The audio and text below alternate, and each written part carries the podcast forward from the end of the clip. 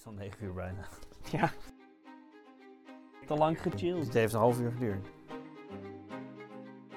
Wij, Dionijs van Tuil en Joren Paridaans, bij de gratie van de luisteraars, presentatoren van de Kleine Wettenshow, van mening dat niet alles naar mango hoeft te smaken, enzovoort enzovoort, Allen die deze zullen zien of horen, salut.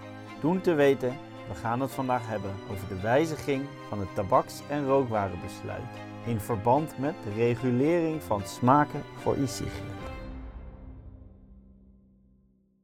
Wat gaan we vandaag doen, Joren? We gaan het vandaag hebben over de wijziging in het tabaks- en rookwarenbesluit van 21 november 2022. Het is een hele korte wijziging. eh, en daarom pakken we er ook nog even de wijziging van de regeling bij, die op 22 november 2022 is eh, doorgevoerd. Dat is dus één dag later. En wat die beide zaken eigenlijk inhouden, is dat we geen smaakjes meer mogen hebben in vapes en e-sigaretten. Dus het is afgelopen met eh, de aardbeilucht als je door de koopgoot heen loopt. Geen mango meer voor ons. Geen mango meer voor ons. Nee, Geen rare smaken. geen rare smaken. Een zeer correcte eh, verbetering, want de smaak tabak is als enige smaak nog toegestaan. Ja. Maar over de specifics komen we straks te praten. Nijs, zou jij ons misschien eerst iets willen vertellen over de geschiedenis, de historie van de tabakswet in Nederland? Ja, we zullen het heel kort houden, want de geschiedenis van tabak in Nederland is een zeer ingewikkeld en uitgebreid fenomeen waar we misschien later een keer veel langer op terug kunnen komen. Maar relevant voor deze wet is de geschiedenis van de wetgeving in de laatste paar jaren en dan een aantal belangrijke aanpassingen daarin. Met als basis 1990, vrij laat als je bedenkt hoe de strijd tegen roken nu gaat. Maar in 1990 kwam de tabakswet, die voor het eerst echt dingen ging verbieden en ehm, het streven ook had om roken in onze maatschappij tegen te gaan. Dus voor 1990 was tabak gewoon een, een product als elk ander. Kon je gewoon kopen als melk, eh, geen enkele andere regelingen over. Ook na 1990 kon dat nog, want Oh. dit is niet wat deze wet aanpast. Dat roken gevaarlijk was, werd bekend. Dat ook meeroken gevaarlijk was, was ook al heel lang bekend. Nou, er zit ook natuurlijk die hele lange strijd van de tabakslobby achter. Maar wat in 1990 wordt ingevoerd als basis is eigenlijk dat ruimtes die bedoeld zijn voor gemeenschappelijk gebruik, dus waar andere mensen ook gebruik van mogen maken, dat die rookvrij moeten zijn. Moeten zijn. Ja. Wat voor ruimtes zijn dat dan? Nou, dat, daar is heel lang heel erg veel discussie over geweest. En dat is pas later heel veel duidelijker geworden. Bijvoorbeeld in 2004 werd het verboden eh, in het openbaar vervoer. In het algemeen. Dus dat is pas 14 jaar daarna. Dus er is een, er is een wet gemaakt in 1990. En pas in 2004 is daar specifieke invulling op gegeven. Nee, maar. nee, in, in 1990 werd ingevoerd een wet dat je niet meer mag roken in ruimtes voor gemeenschappelijk gebruik. Dat ging over een aantal openbare gebouwen die we hebben, zoals het gemeentehuis en dergelijke. Eh, maar zodra je achter poortjes komt of plekken waar je eigenlijk een kaartje voor moet hebben, zodra er een manier is waarop het niet meer echt gemeenschappelijk is, dan veranderde dat al. En dat werd eigenlijk steeds duidelijker. Dus bijvoorbeeld het openbaar vervoer werd daarna ook als openbaar gezien op zo'n manier dat je misschien een kaartje moet hebben. Maar het is wel een plek die echt voor gemeenschappelijk gebruik is. En hetzelfde gebeurt bijvoorbeeld ook voor werkplekken. Dus ook in 2004 is het recht op een rookvrije werkplek ingevoerd. Oké. Uh, maar om misschien een duidelijk beeld te geven van hoe deze strijd in die tijd een beetje gevoerd werd en hoe lang het duurt. In 2002 is pas verboden om tabak te verkopen in overheidsgebouwen. Dus als je zei, je kan het overal zomaar als melk kopen. Nou, je kon het tot 2002 dus ook gewoon in overheidsgebouwen gewoon kopen. Oké. En in niet. 2003 is pas de wetgeving ingevoerd dat je ouder moet zijn dan 16 om tabak te kunnen kopen. En dat is natuurlijk later in 2015 naar 18 gegaan. Maar in 2003 pas is het naar 16 gegaan. Want ik wilde zeggen, eh, misschien kunnen de luisteraars iets achterhalen over onze leeftijd. Dat we deze dingen niet zo goed weten uit 2002. Maar we hadden dus in 2001 gewoon... eh, Sigaretten kunnen kopen, ja. zeker. zeker. Vet. Nou ja, vet weet ik niet. ja. Ehm, in 2008, dat is iets meer wat wij ons nog kunnen herinneren, is de rookvrije horeca ingesteld. Zeker, ja. En eh, daar zijn toen lange discussies over geweest. Vervolgens kreeg je dus de regeling van tabak naar 18. En in 2016, het jaar daarna, is wetgeving die lijkt op wat we vandaag gaan bespreken voor tabak ingevoerd. Dus vanaf 2016 mogen er geen toegevoegde smaakjes aan tabak meer zijn. En ook geen extra geuren en dergelijke. Zijn de gewone sigaretten, dus ook uh, menthol-sigaretten zijn in Nederland uh, ook Ja. al verboden. Van die lekkere klik-sigaretjes die er vroeger waren, die, eh, die zijn er niet meer. Of in ieder geval, die mogen er niet meer zijn. En er zijn ook hele andere strenge producteisen. Hè? Dus in Nederlandse sigaretten maximaal 1 milligram nicotine, 10 milligram teer, 10 milligram koolmonoxide. Dus het is, het is zeer streng gereguleerd. Wat wel belangrijk hierin is, is dat dit gaat allemaal tabak en rookwaar. Maar vooral het tabakdeel is heel sterk en veel wetgeving richting rookwaar is dus nog lastiger. Want daar zit dan geen tabak in. En rookwaar, dat kunnen dus e-sigaretten zijn zonder nicotine, bijvoorbeeld. Ja. ja. Of überhaupt gewoon e-sigaretten wel met nicotine, maar niet met fysieke tabak. Ja. Met een vloeistof. En vervolgens los van de wetgeving is er afgesproken, eigenlijk je zou kunnen zeggen een soort in de maatschappij, hebben we een nationaal preventieakkoord. En wat de basis van de afspraak is, is dat er in 2040 een rookvrije generatie moet zijn. In 2040 In pas, 2040. Ja, dus dat is, je zou kunnen zeggen, net te laat voor onze kinderen. helaas. Maar in principe is het streven dat we op zo'n manier afbouwen dat we naar een rookvrije generatie gaan. En alle wetgeving die nu komt, bouwt daar naartoe op. Dus dat is ook de, de huidige regeling. Ja, dus we zijn eigenlijk in 20, 25 jaar redelijk snel van bijna een ongereguleerde markt naar nou ja, bijna verboden, zou je, zouden sommige mensen zeggen. Ja. Ja, zeker, zeker. En nu, nu is de strijd tegen sigaretten al veel langer natuurlijk gevoerd. Maar de laatste tijd is die eigenlijk pas maatschappelijk de overhand gaan voeren. Ja, want ook voor 1990 eh, was er dus al wel een hoop bekend over dat roken slecht voor je is. En er was dus wel informatievoorziening, maar, maar niks wat, eh, wat echt hard in de wet stond. Ja.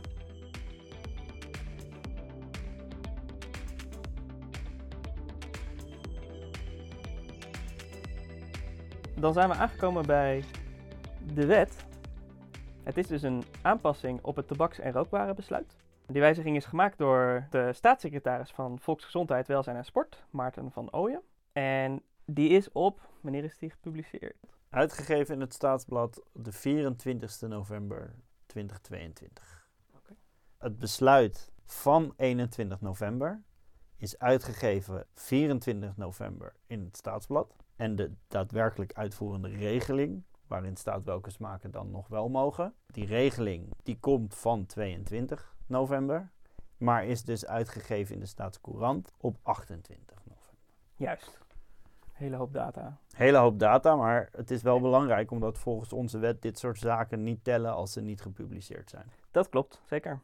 En er staat ook in beide regelingen dat de ingangsdatum 1 januari is. 1 januari 2023. Maar sommige, en daar komen we later nog op terug, sommige onderdelen die gaan pas later in. Dus er zit best wel een, een gefaseerde ingang van deze wet in. En is dit het moment waarop ik je moet vragen of dit gewoon een wet is? Dit is niet gewoon een Oh. wet. Nice. Brengt dat ons meteen bij mijn één na favoriete onderdeel van onze podcast? Het lemma van de week. Het lemma van de week is een algemene maatregel van bestuur. Wat is een algemene maatregel van bestuur? We hebben in Nederland wetten en we hebben andere zaken die op wetten lijken, maar officieel geen wet zijn in de formele zin. En dat zijn bijvoorbeeld regelingen of besluiten. En er zit best wel een groot verschil tussen. Een wet die moet een bepaald eh, traject doorlopen. Dus een wet wordt ofwel verzonnen in de Tweede Kamer ofwel verzonnen door de regering. Die moet dan door de ministerraad worden goedgekeurd. Eh, vervolgens moet die naar de Raad van State. Daar moeten ze een advies geven. Dus de Raad van State hoeft het niet goed te keuren, maar een advies geven. Dan vervolgens eh, mag de Tweede Kamer er iets over zeggen. Die gaat stemmen over de wet. Daarna mag de Eerste Kamer stemmen over de wet. En dan mag de koning nog zijn handtekening zetten. En dan is het officieel een wet zodra het is gepubliceerd in het staatsblad. Een wet in formele zin noemen we dat dan. Dus dat is een, een wet. Nou, wat zijn dit nou? Dit is een, een regeling. Dus de tabaks- en rookwarenregeling gaan we hier wijzigen. En het tabaks- en rookwarenbesluit. En dat zijn wetten in materiële zin. Dus dat betekent, ze hebben precies dezelfde rechtsgeldigheid. Eh, je, je krijgt alsnog straf als je het over, overtreedt. maar ze worden niet bekrachtigd door de Tweede en Eerste Kamer. Het begin van het proces gaan ze door. Uh, het moet door de ministerraad worden goedgekeurd. De Raad van State moet er een advies over geven. Het hoeft niet per se positief te zijn, maar dat is natuurlijk altijd wel handig. Um, en vervolgens kan het worden gewijzigd in het besluit. En dat komt omdat in de wet in formele zin staat dat de minister of een ministerie bevoegd is om iets nader uit te werken. Uh, dus waar we het vandaag over hebben, de algemene maatregel van bestuur, dat kan dus de, de minister bijna in zijn eentje aanpassen. Uh, en is een uitwerking van de officiële wet. Het lemma van de week. Want wat staat er eigenlijk in die horen? Uh, het begint met artikel 1. En dat is ook gelijktijdig het enige artikel met inhoud. En in artikel 1 van de wijziging staat... Uh, artikel 2.4 van het tabaks- en rookwarenbesluit wordt als volgt gewijzigd. 1. Voor de tekst wordt de aanduiding 1 punt geplaatst. En dit is uh, gewoon een, uh, een stylistisch iets. De rest van de wet, of in de rest van het besluit stond ook al die punt achter 1, dus nu willen ze hier ook de punt achter 1. 2. Er worden drie leden toegevoegd, luidende. Het is verboden andere smaakbepalende additieven te gebruiken als ingrediënten van nicotinehoudende en niet-nicotinehoudende vloeistoffen en van andere onderdelen van elektronisch dampwaar dan die zijn aangewezen bij ministeriële regeling. Dus dat betekent de minister mag bepalen welke smaakbepalende onderdelen, letterlijk, er in de vloeistof en in het apparaat zelf zit van een e-sigaret of van een vape. Het tweede lid wat wordt toegevoegd is lid 3. Aan de smaakbepalende additieven kan bij ministeriële regeling een minimum of een maximum aantal te combineren smaakbepalende additieven en een minimum of een maximum hoeveelheid van smaakbepalende additieven worden gesteld. Dus dat betekent dat de minister zou kunnen zeggen: je mag dit stofje er wel in doen als smaakbepalende additie, maar dan maar zoveel milligram. Overigens wordt er op dit moment nog geen gebruik gemaakt van deze delegatie. Dus op dit moment heeft de minister hier nog niks over gezegd. En dan het laatste lid wat wordt toegevoegd is lid 4.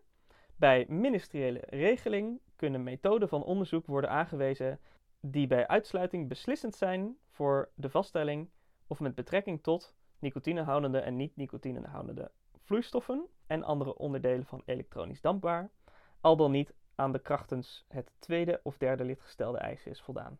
Oftewel, de minister bepaalt wat voor onderzoeken uh, relevant zijn binnen deze wet.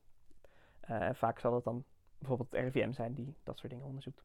Dat is eigenlijk de hele wet. Dan, uh, ja, je hebt nog artikel 2. Dit besluit treedt in werking met ingang van 1 januari 2023.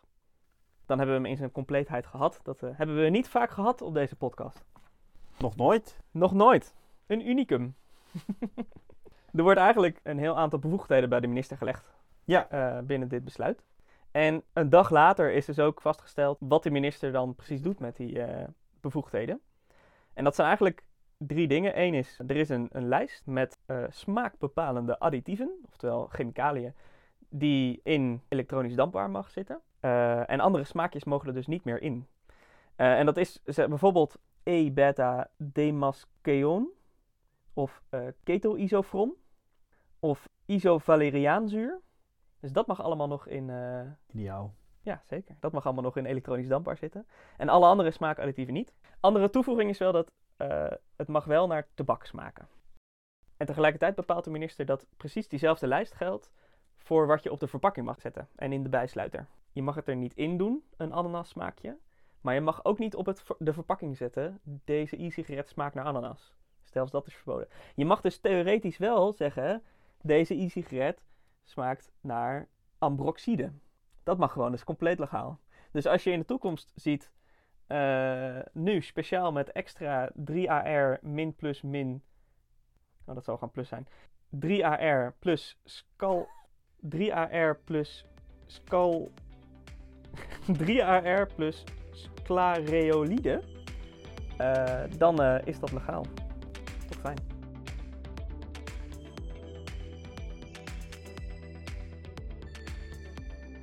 En ik had, ik had nog een vraag. Ik weet niet of we daar al zijn. Zeker, ik denk het wel. Over, over deze wet. Want wat er nu dus anders is, is dat er is gewoon een lijst waarop staat e-sigaretten met en zonder nicotine mogen voortaan niet meer andere smaakstoffen bevatten dan deze lijst. En twee vragen. Allereerst, want volgens mij is dat normaler. Waarom worden niet gewoon bepaalde dingen verboden? Dus hoezo is er zo'n sterke restrictie? Het mag alleen nog maar dit. Want misschien, ik weet vrij weinig van de tabaksmaak, maar misschien zijn er wel vier andere stoffen te bedenken die ook naar tabak smaken. Dus het is vrij strikt om te zeggen alleen nog maar dit. En ehm, als het zo strikt wordt, waarom wordt er dan niet een veel groter verbod geïntroduceerd op uh, de e-sigaret? Op überhaupt stoffen die erin zitten, bedoel je? Ja. Ja, want dit zijn dus alleen smaakbepalende stoffen. Dus andere stoffen die geen smaak hebben, die mag je alsnog gewoon toevoegen. Ja. En ik denk, ik denk op jouw eerste vraag, maar ik heb dat niet teruggelezen van het RIVM, maar dat zegt mijn intuïtie. Het hele fenomeen uh, e-sigaretten en dampbaar, dat is redelijk snel opgekomen. Uh, dat is toen in een markt gesprongen waar nog niet zoveel regels over waren. En daarom dat bijvoorbeeld deze smaak, smaakjes nu pas verboden worden, terwijl voor sigaretten was dat al veel eerder verboden. Dus ik denk dat de, een van de redenen is dat ze nu zo heel restrictief zijn, is omdat de fabrikanten gebruik hebben gemaakt van te veel vrijheid. Uh, en zomaar. Dus het is heel oneerlijk dat ik de vraag stel, want ik heb het uitgezocht. Natuurlijk, ik heb het hier staan. Oké. dat, dat zou mijn intuïtie zeggen, maar ik heb er niks over gelezen. Het klopt niet. Wat er is aangegeven namelijk is, uh, want dit is een expliciete vraag die gesteld is op meerdere plekken. Want het is gewoon best wel streng. En het antwoord dat gegeven wordt is dat er vervolgens continu op elke nieuwe vloeistof die gebruikt wordt in een e-sigaret gekeken moet gaan worden wat voor een smaak het heeft en wat voor een soort toevoeging het is. En het probleem daarvan, wat wordt aangehaald, is dat smaak en geur eigenlijk heel erg menselijke ervaringen zijn. Dus je hebt niet echt machines die heel makkelijk kunnen interpreteren hoe iets voor ons smaakt of ruikt. Dus als iets naar aardbei ruikt, dan kan een computer niet meteen zeggen, oh gezien de chemische stoffen die erin zitten, is dit denk ik aardbei. Dus dat betekent dat bijvoorbeeld het RIVM consequent een expertpanel opgetuigd moet hebben. Dat alle nieuwe stofjes die op de markt komen, moeten gaan controleren naar, smaakt dit naar iets lekkers? Of en dat, is het gewoon tabak? En dat wilden ze dus niet, uh, niet doen? Nee, want dat is gewoon zeer kostbaar, zeer arbeidsintensief. En daarom hebben ze gezegd, we houden het nu bij deze lijst. Ja. Mochten, uh, mocht de industrie een heel goed argument hebben dat bepaalde stoffen erbij mogen, dan kunnen ze natuurlijk altijd de minister uh, aanschrijven. Om die ook een klein beetje tegemoet te komen, is er wel ook naar hun geschreven. als in, het antwoord is zo geschreven dat het ook gunstig is voor hun. Er wordt namelijk gezegd, het is ook beter voor het bedrijfsleven want die weten tenminste waar ze aan toe zijn. In plaats van dat elke keer dat er iets nieuws komt, ze zich moeten afvragen of het wel of niet zal gaan mogen. Ja, precies. Je maakt geen investeringen in dingen die. Uh, ik weet niet of dat helemaal de blik gaat zijn van de tabaksproducenten, maar dat wordt er in ieder geval ook over genoemd. Um, en verder wordt er gezegd dat op basis van andere stofjes die er komen, er niet gekeken is, sowieso niet naar een totaalverbod, maar ook niet naar meer um, verboden, uh, omdat wel nog steeds de verwachting is dat, dat dampwaar gunstig is als eerste stap richting het stoppen met roken.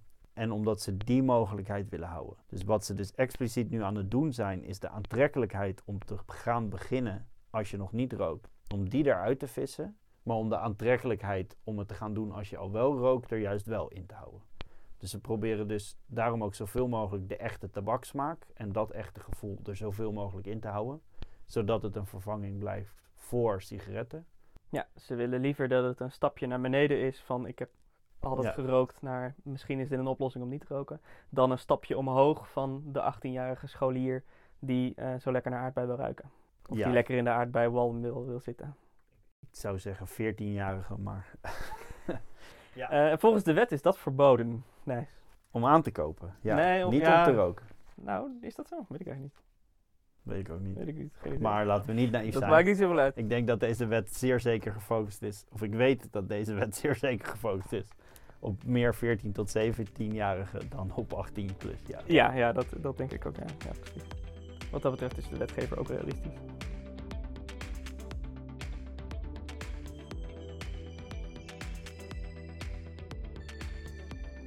Heb jij nog een vraag voor mij? Nou, we hebben het nu dus gehad over wat er precies gaat veranderen In, in pure essentie is het, wat ik helemaal aan het begin ook al zei, eh, smaakjes in e-sigaretten zijn verboden. Ja, we hadden dit hele stuk kunnen skippen. Eigenlijk wel, want dit is exact wat er in de wet staat. Maar ik was eigenlijk heel erg benieuwd, hoe werkt dit bij onze buren en specifiek dan onze oosterburen? Hoe gaat het eigenlijk bij de Duitsers? Nou, wat leuk dat je het vraagt. Dat vind ik, dat is eigenlijk altijd mijn lievelingsrubriek. En in dit geval kan ik je meedelen dat eigenlijk internationaal overal beschreven wordt dat Duitsland nog steeds een van de allerbeste landen is om roker in te zijn. En zeker om damper in te zijn. Damper. In eerste instantie werd het behandeld als alle andere producten waar geen tabak in zat.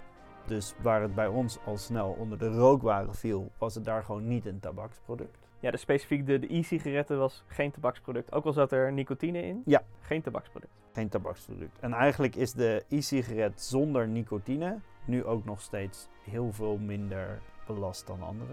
Maar wat het eigenlijk is in Duitsland, hè, Duitsland is in die zin vrij ingewikkeld, want het is een federale staat.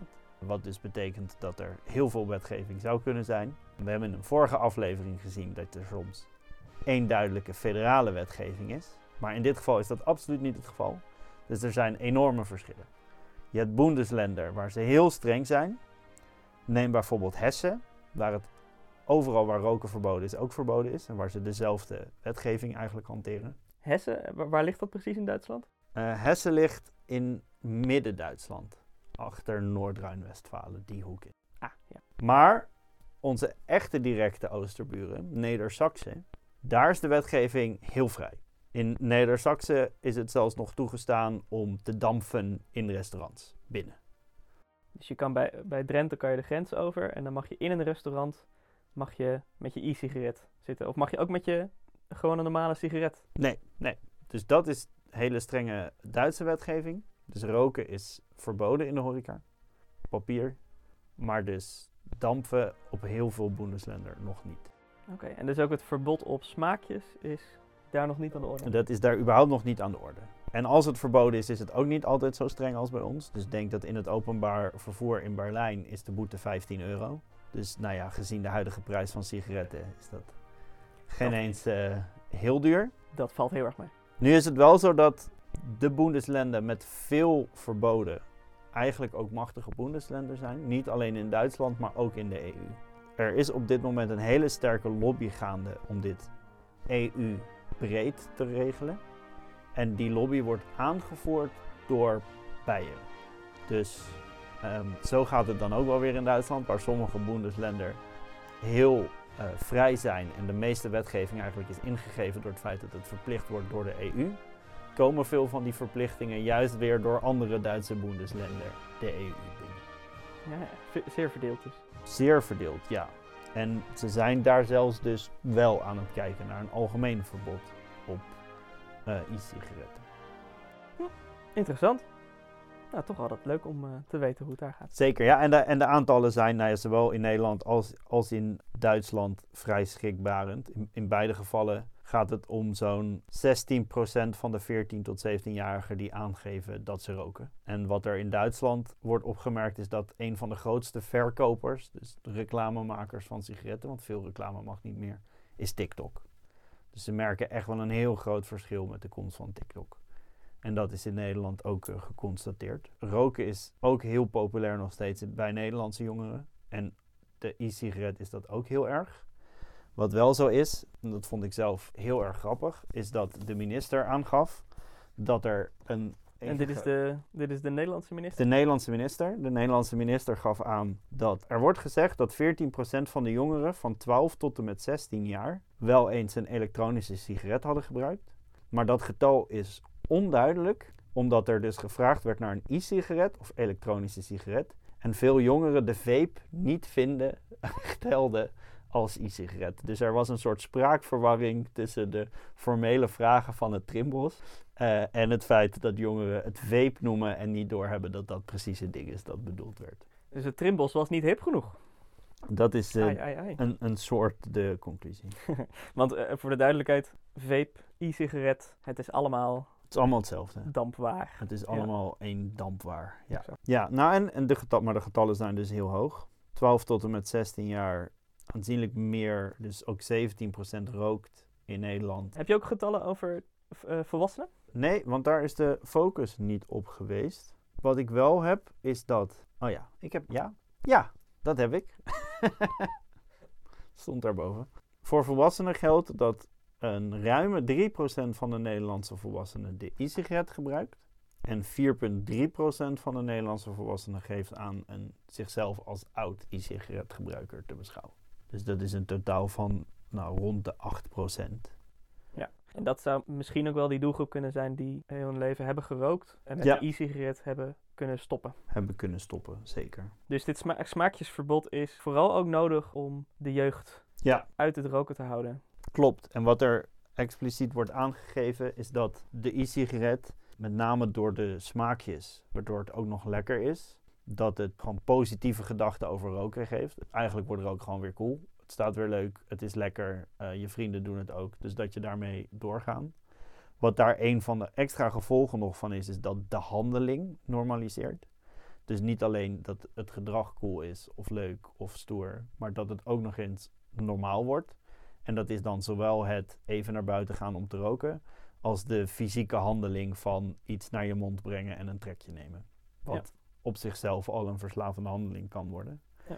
En uiteraard vanaf jonge leeftijd nicotine, die onmiddellijk verslavend gaat werken natuurlijk. Dus die drie dingen, die worden eigenlijk aangegeven als voornamelijk bij jongeren een gevaar waar de staat op wil ingaan. Interessant. Ja, en om dan aan te geven, hè, waarom wordt er dan zo gekeken naar die additieven? Is uit onderzoek gebleven dat op dit moment 16% van de e-sigaretten, van, de, van het rookwaar in de e-sigaretten dat verkocht wordt, smaakt 16% naar tabak. En dus 84% smaakt niet naar tabak. Ja, ik had ook ergens gelezen dat een, een grote verkoper van elektronisch dampwaar zei ongeveer 20 tot 30 procent van hun klanten die kopen tabaksmaak. En dus 70 tot 80 procent koopt allerlei andere smaken. Ja. Dus het is best een grote aanpassing in de winkel. Ja. Het heeft dus best wel een grote impact op de markt. Ja. Mag de regering dit zomaar aanpassen? Nou, dat is een, een lastige vraag, waar dus ook door de minister goed naar gekeken is. Of dit niet tegen allerlei andere wetgeving of verdragen ingaat. Want zoals gezegd, zoals dit wordt ook naast de grondwet gehouden, maar ook naast andere verdragen die we hebben. En een van de belangrijkste daarvan die ik dan even wil benoemen, is of het ingaat tegen EU-wetgeving. De, EU, nou, dat is eigenlijk onze grote gemeenschappelijke markt. En die hebben vrij sterke maatregelen over wat je daarbinnen dan wel en niet mag verbieden. Want anders werkt zo'n markt niet. En die hebben vijf hoofdeisen waaraan een maatregel die een lidstaat neemt moet voldoen. Dat is, moet beantwoorden aan dwingende redenen van algemeen belang. Nou, daarvan zegt de regering met het preventierecord en het gevaar van roken, dat doen we. Het moet geschikt zijn om de verwezenlijking van het nagestreefde doel te waarborgen. Nou, dat is dus gebaseerd op wat we daarnet zeiden over die jongeren. De effecten erop dat die smaakjes kopen. Wat je net ook zei, dat zoveel procent van de klanten echt smaakjes koopt. Zeggen ze, nou dan zien we dat we dus dat kunnen laten afnemen. Dus daaruit proberen ze te zeggen, nou dit werkt voor het doel minder roken. Ja, het is niet zomaar verbieden om het verbieden, maar het is echt verbieden wat echt een impact gaat hebben. Ja. Ja. Nou, het moet niet verder gaan dan nodig is. Nou, daar heb je ook weer die, het feit dat die lijst dus eigenlijk vrij gelimiteerd is in wat het precies verbiedt. Alleen maar deze smaken. Het moet kenbaar zijn en voorspelbaar zijn. Dan hebben we ook al besproken waarom verbied je niet dingen, maar zeg je gewoon dit mag alleen nog maar. Nou, dat is ook een van dit soort dingen. Het is kenbaar, het is voorspelbaar, het is gewoon duidelijk. Er staat op de verpakking waar het naar smaakt. Het mag alleen nog maar dit en dit is het lijstje wat erin moet zitten. En het moet zonder discriminatie worden toegepast. Nou ja, dat is in dit geval ook vrij duidelijk. Het geldt gewoon voor alle producenten op elke mogelijke manier en overal. Voor alles en iedereen. Ja. Dus op die manier zegt de regering dat het dus voldoet aan het vrije verkeer van goederen. En dus de, de wetgeving die de EU daarop eh, op houdt. Er is ook nog gekeken of het niet instrijft tegen het eigendomsrecht. En dat is een vrij lange en ingewikkelde discussie. Waarom zou het in strijd zijn met het eigendomsrecht? Wat is het eigendomsrecht? Het eigendomsrecht is gebaseerd ook weer op een Europees verdrag, namelijk het eerste protocol bij het Europees verdrag tot bescherming van de rechten van de mens en de fundamentele vrijheden. En waar het op neerkomt is dat alles wat op geld waardeerbaar is eronder valt. En wat nu eigenlijk gebeurt is dat er van een zeker iets wordt gezegd: nee, je hebt niet meer het recht om vanaf die en die datum e-sigaretten met deze smaak als eigendom te hebben. Dus die fundamentele vrijheid, die wordt beperkt. Volgens mij is de, staat er in de wet specifiek, eh, of in ieder geval in de regeling, staat specifiek dat je het niet meer in de markt mag brengen. Misschien zijdelings kan je dat ook wel linken aan eh, dat je het niet meer mag hebben. Want er staat hier nicotinehoudende en niet-nicotinehoudende vloeistoffen en andere onderdelen van elektronisch dampbaar die voldoen, kling, bla, mogen tot 1 oktober 2023 in de handen worden gebracht, mits. Nou, hier staat gewoon: het is verboden andere smaakbepalende additieven te gebruiken als ingrediënten van nicotinehoudende en niet-nicotinehoudende vloeistoffen en van andere onderdelen van elektronische dampbaar Ja. dan die zijn aangewezen bij ministeriële regeling. Dus dan is de vraag wanneer gebruik je ingrediënten? Ja, en, dat, en hier wordt dus gezegd, door het toevoegen van bepaalde additieven aan vloeistoffen en andere onderdelen van e-sigaretten die een aantrekkelijke en onderscheidende smaak genereren niet meer toe te staan, worden bepaalde type vloeistoffen die nu op de markt worden aangeboden verboden. Oké, dus in ieder geval de, de wetgever zelf die zegt hier dat het aan de hand is. Dus waarschijnlijk zal het er ook wel zo zijn. Ja, waarschijnlijk. Maar wat- zoals ik zei, ik vond het een vrij ingewikkeld en, en, Ja. en een lange discussie. Want daarna zeggen ze ook dat dit soort vloeistoffen en andere onderdelen van e-sigaretten, die een aantrekkelijke en onderscheidende smaak genereren, uiteraard op geld waardeerbaar zijn. Ja.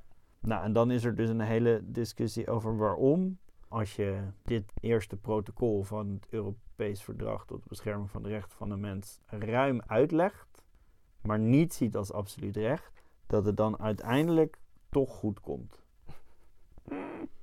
Oké. En dit gaat dan specifiek waarschijnlijk over fabrikanten die in grote mate ingrediënten hebben aangekocht. Ja. Die nu niet meer kunnen gebruiken. En dan vraagt zo'n producent zich af, maar nu is voorraad niks meer waard in praktijk. Kan ik hier compensatie voor krijgen? En wat ze hier zeggen is eigenlijk, nee, dat kan je niet. Ik denk inderdaad dat dat is waar het op neerkomt. En ik denk ook dat dat een van de redenen is waarom de deadline, die we nog niet hebben besproken, maar wanneer dit precies ingaat, waarom dat ook nog onduidelijk is en die steeds verplaatst. Ik denk dat dat deels voortkomt uit het tegemoetkomen van reeds bestaande voorraden. Klopt. Maar daar komen we later nog eh, op terug. Ja.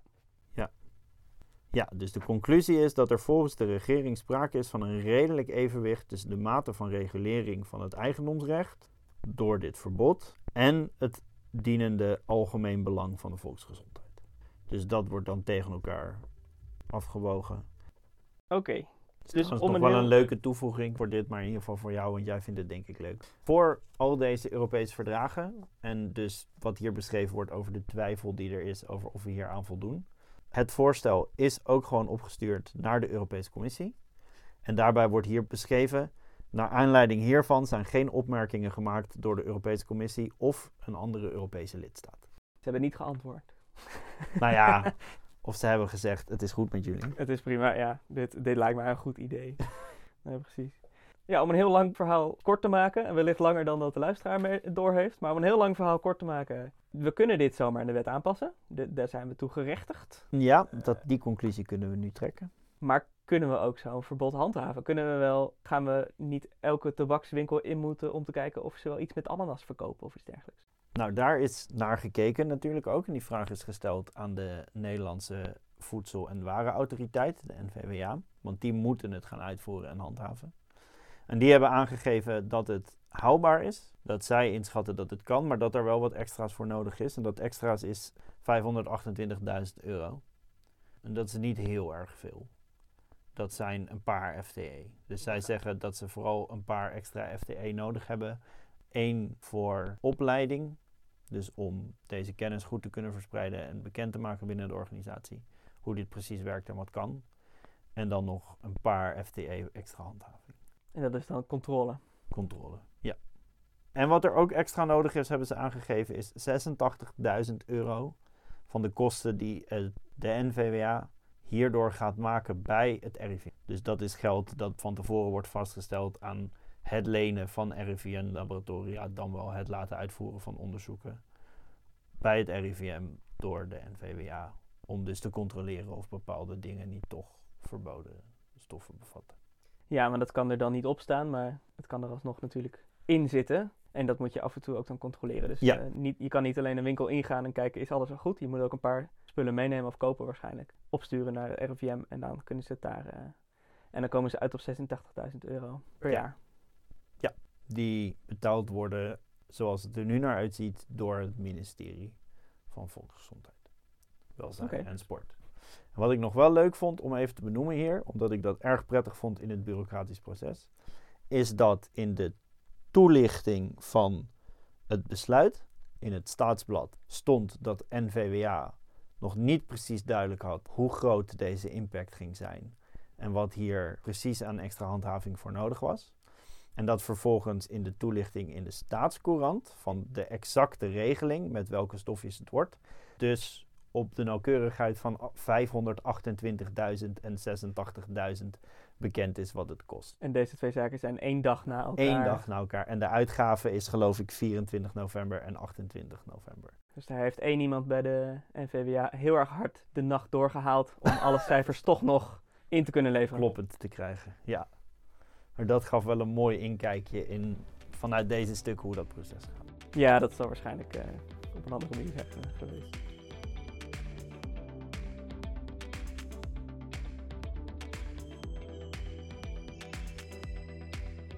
Nee, leuk.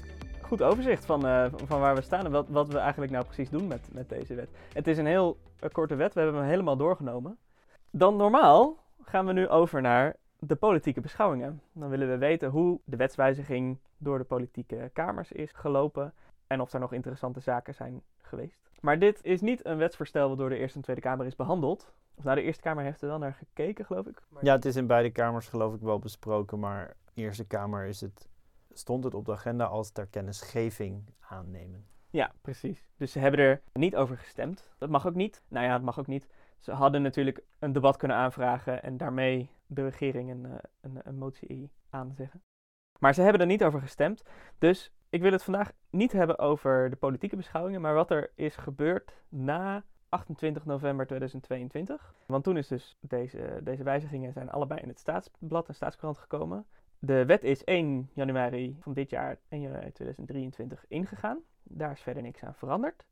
Maar in de regeling staat specifiek nicotinehoudende en niet-nicotinehoudende vloeistoffen en andere onderdelen van elektronisch dampwaar die voldoen aan de tabaks- en rookwarenregeling zoals die luidde op 31 december 2022, dus dat is de oude regeling, mogen tot 1 oktober 2023 in de handel worden gebracht. En er staan dan nog een aantal voorwaarden bij en een van die voorwaarden is dat het een bestaand product is. Dus wat ze hiermee aangeven, nieuwe producten mag je sinds 1 januari 2023 niet meer op de markt brengen. Maar bestaande producten mag je nog wel verkopen tot 1 oktober 2023. In de toelichting van het besluit staat ook nog expliciet dus dat het niet alleen gaat om bestaande dampwaar met een smaakje die je hebt, dat die nog verkocht mocht worden. Maar ook dat de ruwe materialen daarvan, als je die al hebt, dat je die dan tot 1 juli nog zou mogen gebruiken voor de productie. Ja, precies. Want eh, de- tot 1 oktober mag je het dus in de handel brengen. Ja. Het moet wel voor 1 juli zijn geproduceerd. Maar wat nou interessant is, er was dus een heel tijdspad. En toen, opeens, in juni 2023, dus die 1 juli, die zou bijna ingaan. En vlak daarvoor heeft de minister een brief aan de Tweede Kamer gestuurd. Dat hij voornemens is om de branche een extra drie maanden overgangsperiode te gunnen. En dan heeft hij het specifiek over die 1 oktober datum. Dus de Niet- Verkoop. de verkoop. Dus niet de productie. De productie die bleef op 1 juli staan. Maar de verkoop die wilde die drie maanden naar, naar voren zetten. Hoe zat het nou? Het RIVM had van tevoren onderzoek gedaan. Ze hadden een lijst samengesteld. En daarbij hebben ze gecommuniceerd. Als enkel de stofjes in deze lijst nog legaal zijn, dan zou op dit moment 22,7% van de producten op de markt zou nog verkocht mogen worden. Dus driekwart van de producten mag dan niet meer verkocht worden. Ja, zoals we net eerder ook al zagen met die getallen, rond die 80% heeft een smaakje en maar 20% smaakt naar tabak. Precies, dus dat kwam heel erg, eh, heel erg overeen. Ja. Nou is er vlak voor die 26 juni dat de minister die brief stuurde, heeft het RIVM nogmaals de kwestie onder de loep genomen, zoals ze zelf zeggen. En die zei toen tot de conclusie gekomen dat het niet 22,7% zou zijn, maar ergens tussen de 0,2 en 22,7%.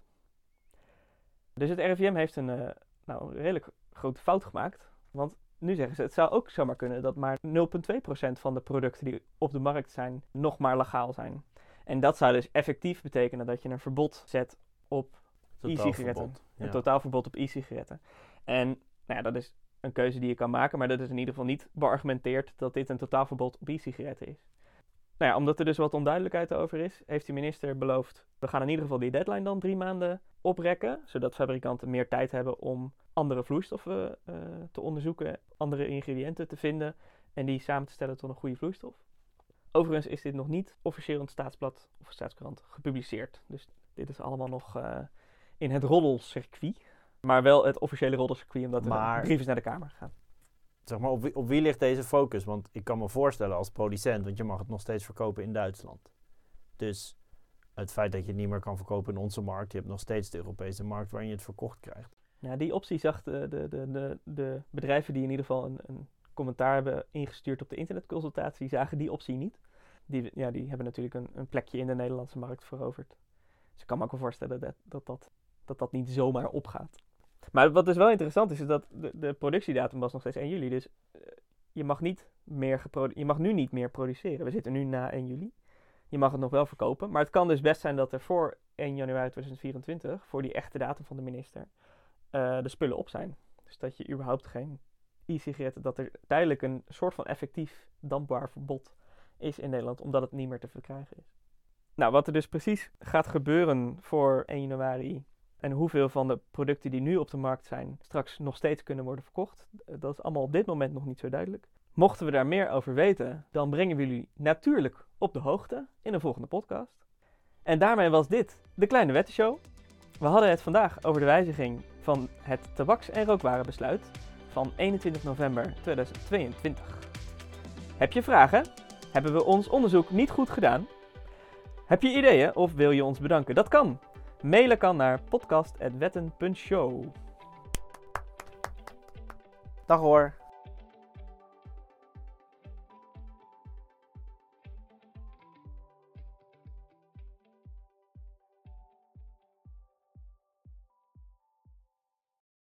Ingrediënten van nicotinehoudende en niet-nicotinehoudende vloeistoffen.